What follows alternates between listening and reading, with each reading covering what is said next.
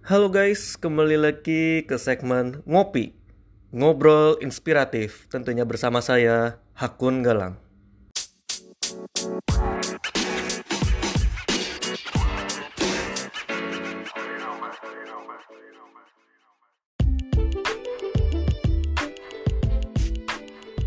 Halo guys, kita ketemu lagi di Ngopi untuk membahas beberapa podcast menarik dan ya siang ini bisa dibilang saya udah mendengarkan beberapa podcast ya. Jadi ada tiga podcast yang sangat menarik menurut saya untuk dibahas dalam segmen ini. Podcast pertama adalah Mindfulness at Work by Aji Santoso Putro sebagai praktisi mindfulness.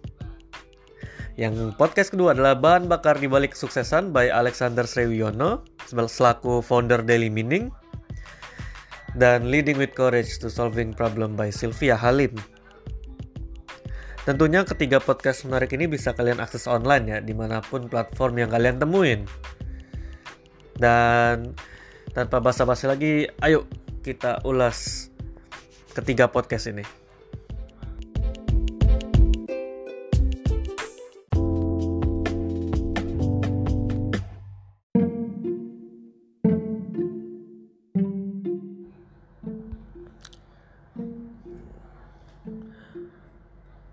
Stres itu bisa disebabkan oleh berbagai macam hal loh guys.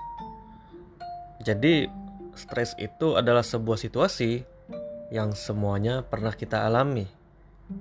Yang bahkan terkadang karena stres itu kita bisa apa ya ada efek gitu buat kehidupan berkeluarga bahkan pekerjaan kita sendiri. Dan ternyata kata Aji Santoso Putro Stres itu datang dari pikiran kita sendiri, guys, bukan dari dunia luar.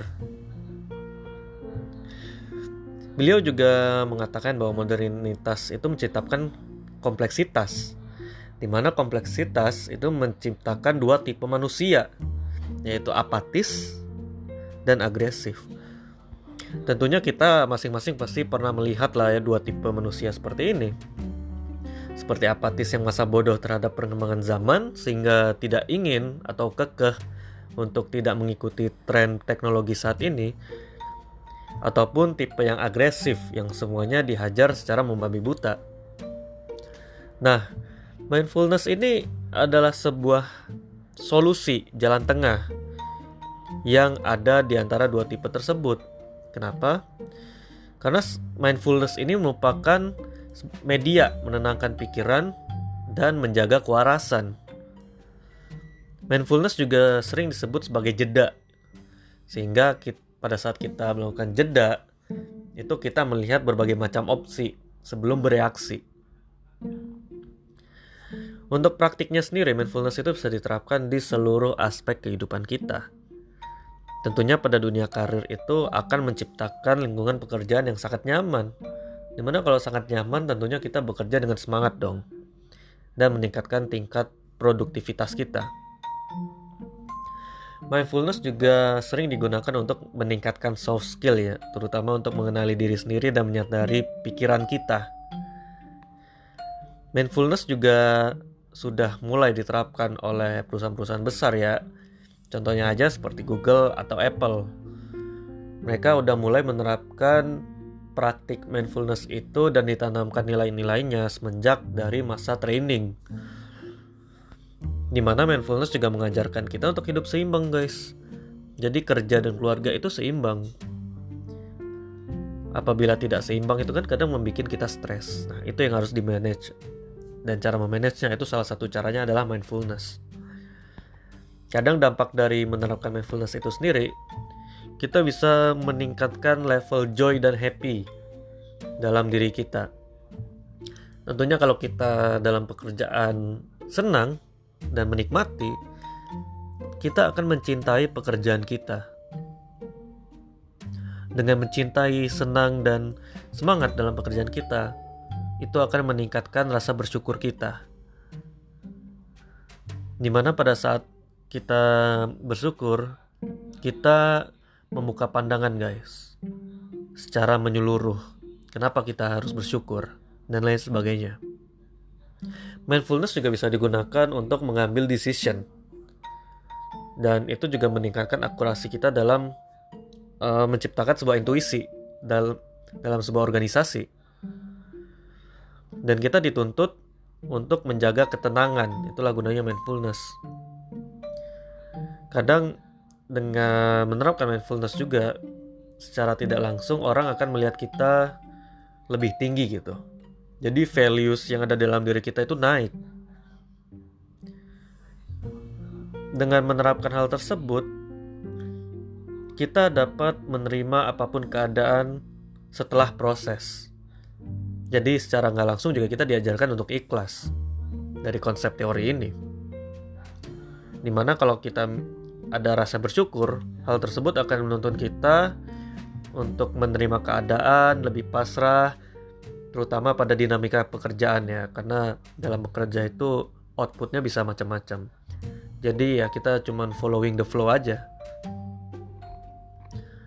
Tentunya hal ini juga mengajarkan ya, seperti yang saya bilang tadi kehidupan keluarga sama pekerjaan itu imbang, seimbang gitu mindfulness ya.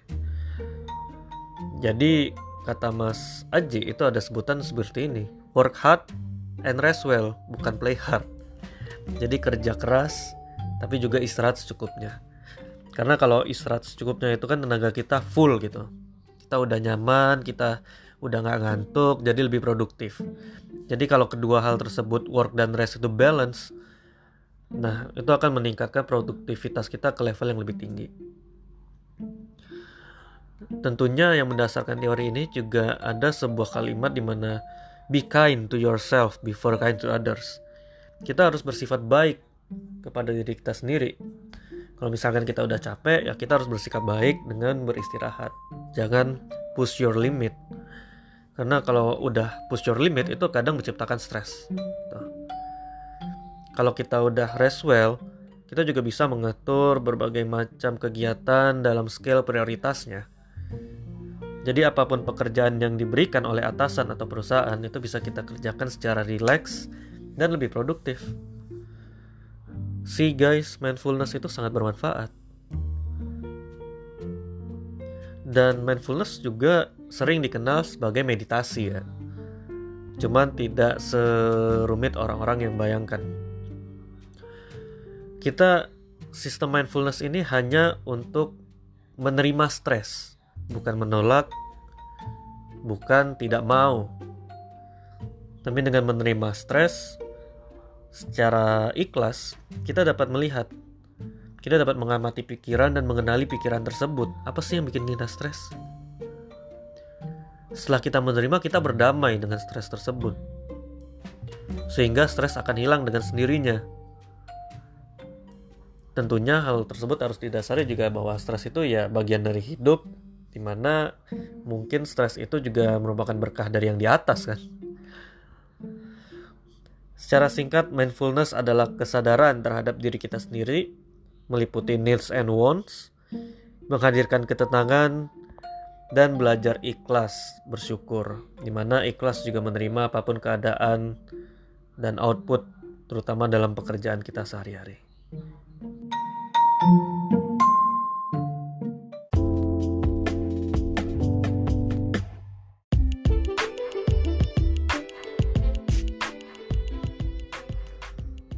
Oke, dalam hmm, Alexander Sriwiyono dia mengatakan bahwa pergeseran keinginan aspirasi itu dipengaruhi oleh perkembangan zaman.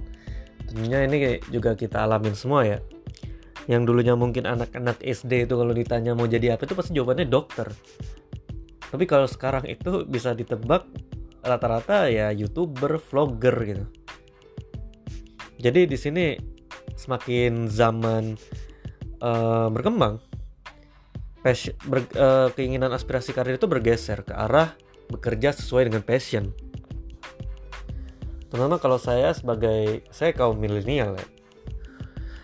Jadi beliau juga mengatakan bahwa concern sebagai kaum milenial itu adalah birokrasi seperti senioritas. Ini langsung nge-strike my mind ya. Ya emang bener sih. Kita saya sebagai kaum milenial itu uh, kurang setuju sama kata-kata senioritas sebenarnya Tapi bukan berarti kita juga sombong ya. Tidak ada kata kesombongan di sini. Tentunya pola pikir, culture, dan lingkungan tempat kita tumbuh kembang juga akan terbawa ke dunia karir. Di mana rata-rata ya orang milenial itu dibesarkan oleh baby boomer. Kalau enggak Gen X. Jadi nilai-nilai yang mereka dapat itu juga diterapkan ke generasi millennials. Yang nantinya hal tersebut juga terbawa ke dunia kerja mereka masing-masing tentunya dengan ada value diri sendiri ya yang tidak dipengaruhi melainkan berdasarkan pengalaman hidup dan nilai-nilai yang ditanamkan tersebut juga kadang mempengaruhi bagaimana cara kita menentukan keputusan. Nah, di sini beliau juga menjelaskan bahwa ada suatu posisi yang sangat menguntungkan, namanya outliners di mana ini merupakan kondisi positif di luar titik yang seharusnya. Maksudnya apa tuh? Jadi maksudnya itu adalah merupakan kondisi positif yang strike out yang menonjol di antara kumpulan secara positif yang bekerja secara tuntas dan cerdas atau biasa disebut extra miles. Nah, individu-individu tersebut itu bakal gampang diinget sama orang-orang gitu. Dibandingin yang sesuai titik. Dan sebagai leaders atau pemimpin yang baik apabila melihat uh, anggotanya itu sebagai outliners dia akan memberikan stage yang semestinya dan menunjukkan. Jadi ada sangkut pautnya sama podcast episode 1 ya jadi ditunjukkan diajarkan. Dan dalam masing-masing pribadi sih dia bercerita bahwa ada dua engine ya dua mesin sebenarnya. Yaitu berpikir sama karakter. Dan ini juga menentu uh, bisa digunakan buat menentukan posisi outliners itu. Jadi dua engine itu sangat penting ya di mana karakter itu digunakan untuk mengejarkan sesuatu dengan all out berbeda dengan thinking adalah rasa keingintahuan seseorang dalam berproses jadi dengan memiliki engine karakter dan thinking yang sangat bagus, kita dipastikan akan bertempat di posisi outliners yang positif ya. Terkadang dalam posisi yang positif tersebut kita sering disebut perfeksionis. Tapi uh, secara realita perfeksionis itu juga banyak tidak disukai orang ya, tapi tidak semua. Makanya si Pak Alexander ini menyebutkan bahwa perfeksionis sering dibilang unhappy perfeksionis karena sering bikin orang tidak senang. Terutama karena sering adanya rasa ketidakpuasan gitu terhadap sesuatu karena kan dia perfeksionis nih. Dia tidak melihat hasil. Dia ngeset standar diri dia sendiri itu sangat tinggi. Makanya daripada menjadi perfeksionis lebih baik menjadi optimal gitu. Di mana optimal sama dengan outliners. Mengerjakan sebaik mungkin tapi juga menghargai proses. Atau Pak Alexander juga bilang sebagai the perfect imperfection. Di mana pasti orang-orang yang bersifat optimal itu akan mengerjakan sesuatu sebaik mungkin. Tanpa adanya limitasi itu tanpa tanpa harus dikejar target. Berbeda, berbeda sama perfeksionis. Dan masih membukanya peluang untuk belajar lebih lanjut gitu. Dan tentunya sebagai kita kalau ingin menjadi outliners itu harus belajar menentukan standar secara pribadi. Karena standar kita masing-masing individu itu berbeda-beda gitu loh. Seperti misalkan ada yang ingin menjadi dokter dan ada yang menjadi youtuber itu kan standarnya beda. Apa yang harus dikejar pun juga beda ilmunya juga berbeda gitu.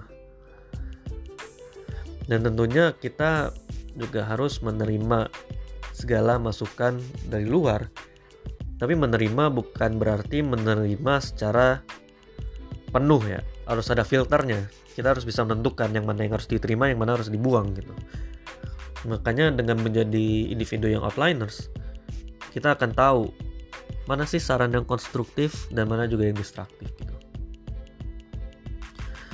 Dan beliau Alexander Sriwiyono juga menetapkan di dunia kerja kita ada tiga hal yang toksik nih, yang sangat beracun. Pertama adalah ekspektasi. Ini sebenarnya juga pada saat saya mendengar pertama kali itu sangat bingung ya. Karena anggapan saya awal itu ekspektasi itu juga mendorong limit kita gitu kan untuk bekerja lebih. Ternyata menurut dia itu toksik. Kenapa?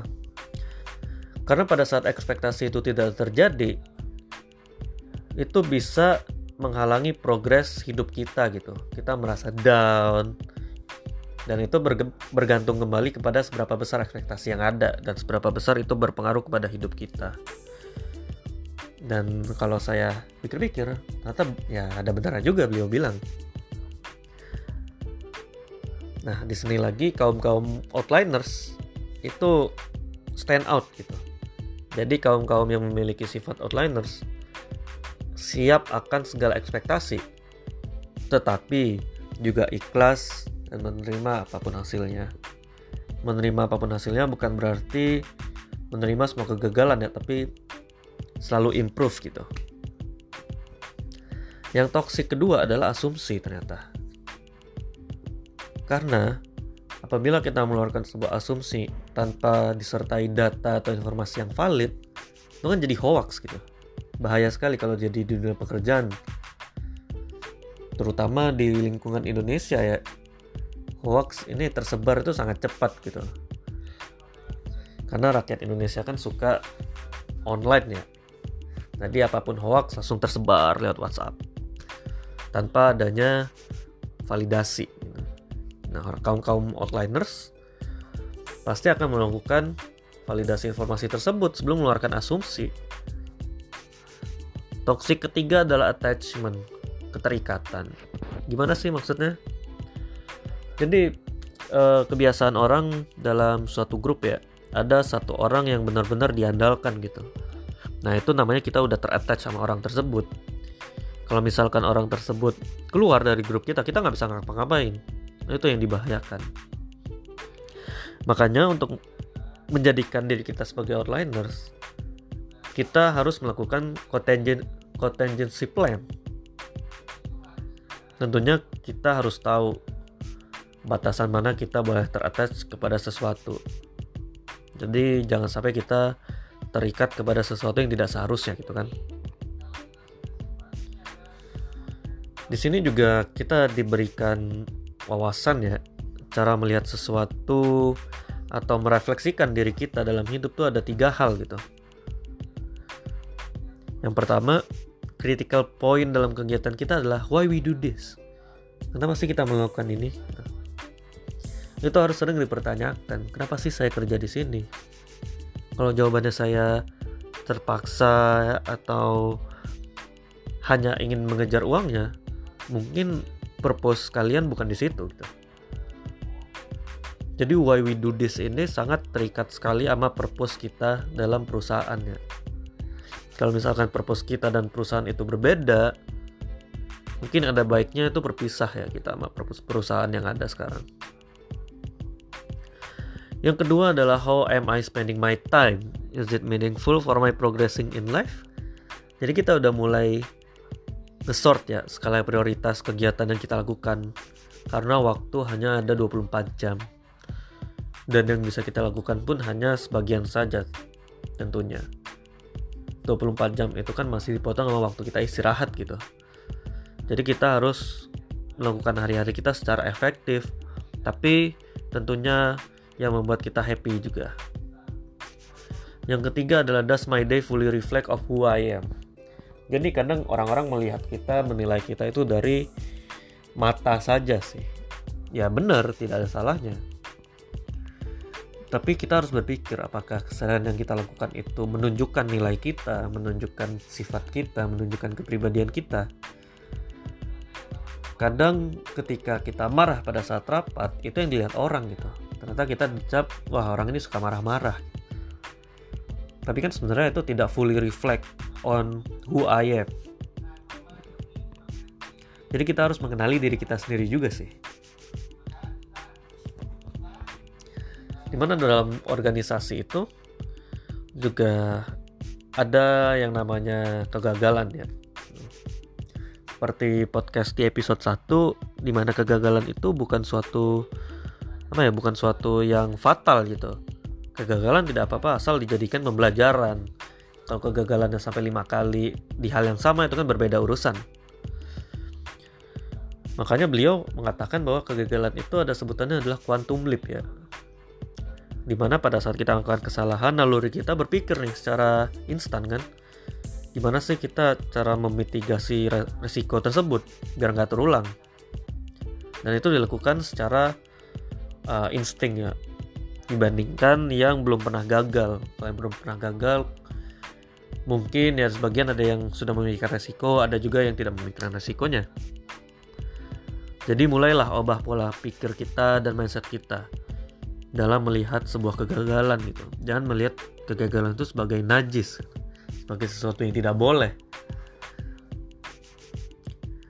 Dan tentunya dalam beroperasi perusahaan itu kita tetap dituntut untuk melakukan kebaikan kepada siapa pun. Nah, itu juga termasuk karakteristik outliners ya. Karena gini, kebaikan ini kan hal yang unik ya. Jadi kita kita nggak akan tahu kapan ke, kebaikan yang kita lakukan itu kita ambil gitu we never know makanya kadang misalkan kita melakukan kebaikan menolong seseorang eh ternyata seseorang itu sukses terus giliran dia menolong kita. Atau giliran dia menolong kita melalui hal lain.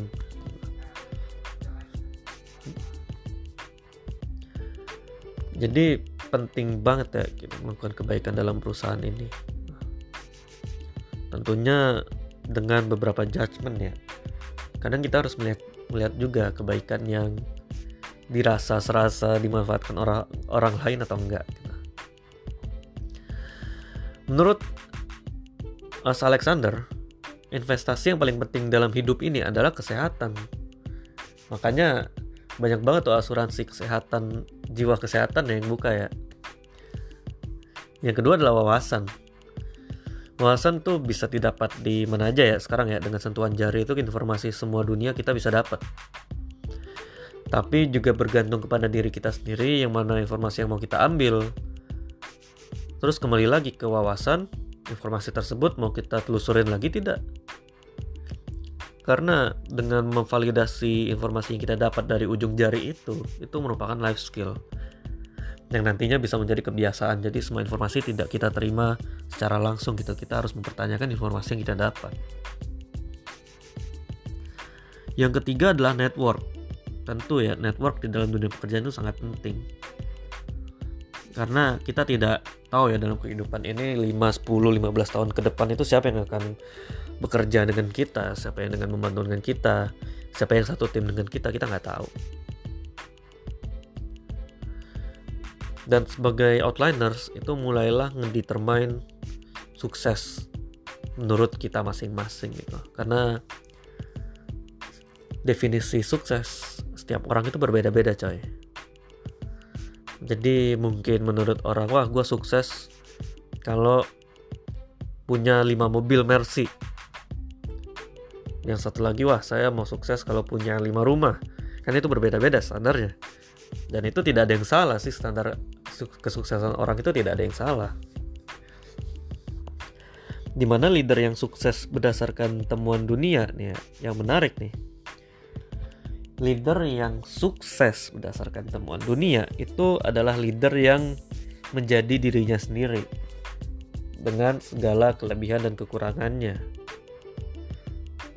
Ya kalau kita telah ah lebih lanjut ya ada benarnya. Karena kalau kita lihat sebagai kacamata awam ya kita melihat pemimpin kita ya apa adanya tidak ada fake gitu tidak ada fake smile. Tidak ada hal-hal uh, yang harus dikejar dengan maksud tersembunyi nggak ada. Jadi di podcast Alexander ini mengajarkan kita untuk menjadi kaum outliners dan menjadi pemimpin yang baik ya.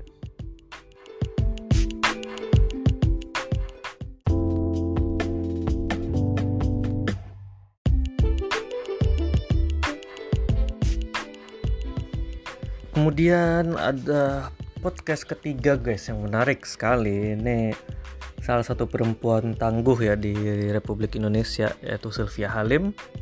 Selaku direktur konstruksi MRT gila nggak tuh guys? Jadi dia mengeluarkan sebuah uh, apa ya slogan yang cukup bagus menurut saya ya yaitu if you have a chance embrace it di mana pada saat kita ada kesempatan ya ambil gitu. Ambil dan lakukan performa terbaik kalian. Jangan hanya ambil suatu pekerjaan cuman karena ya untunglah kita dapat kerja.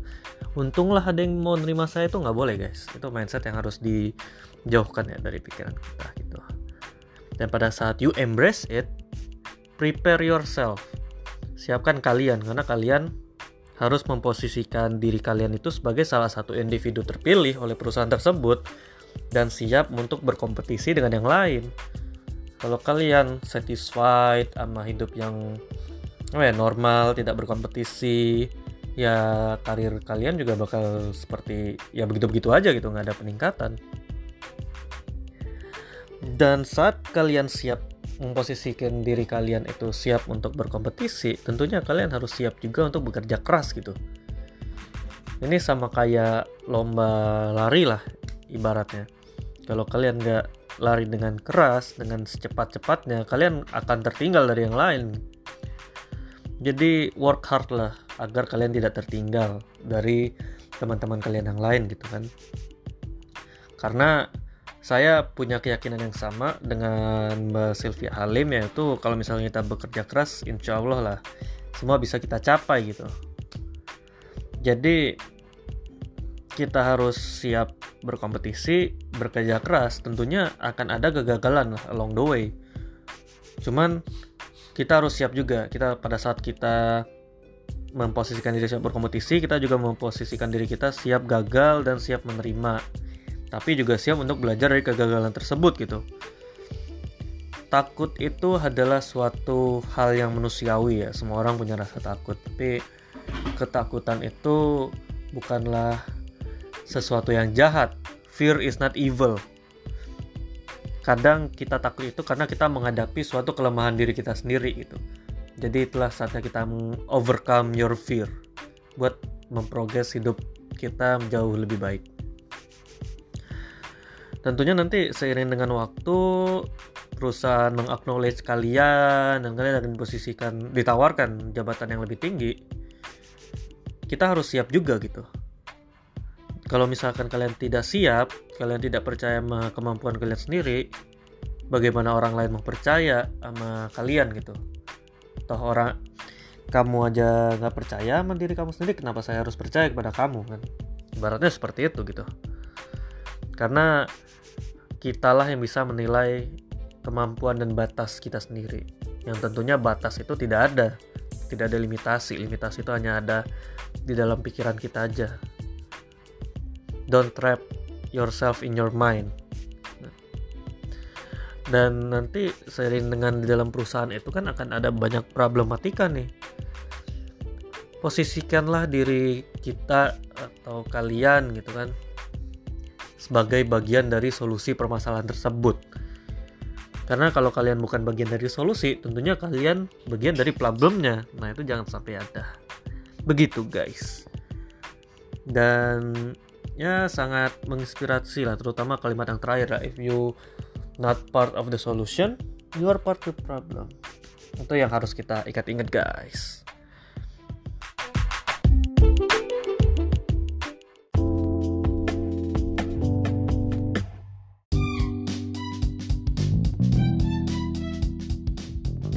Terima kasih guys sudah mendengarkan segmen ngopi ngobrol inspiratif bersama saya Hakun Galang Pamungkas. Tentunya sampai jumpa kembali di acara segmen ngopi berikutnya.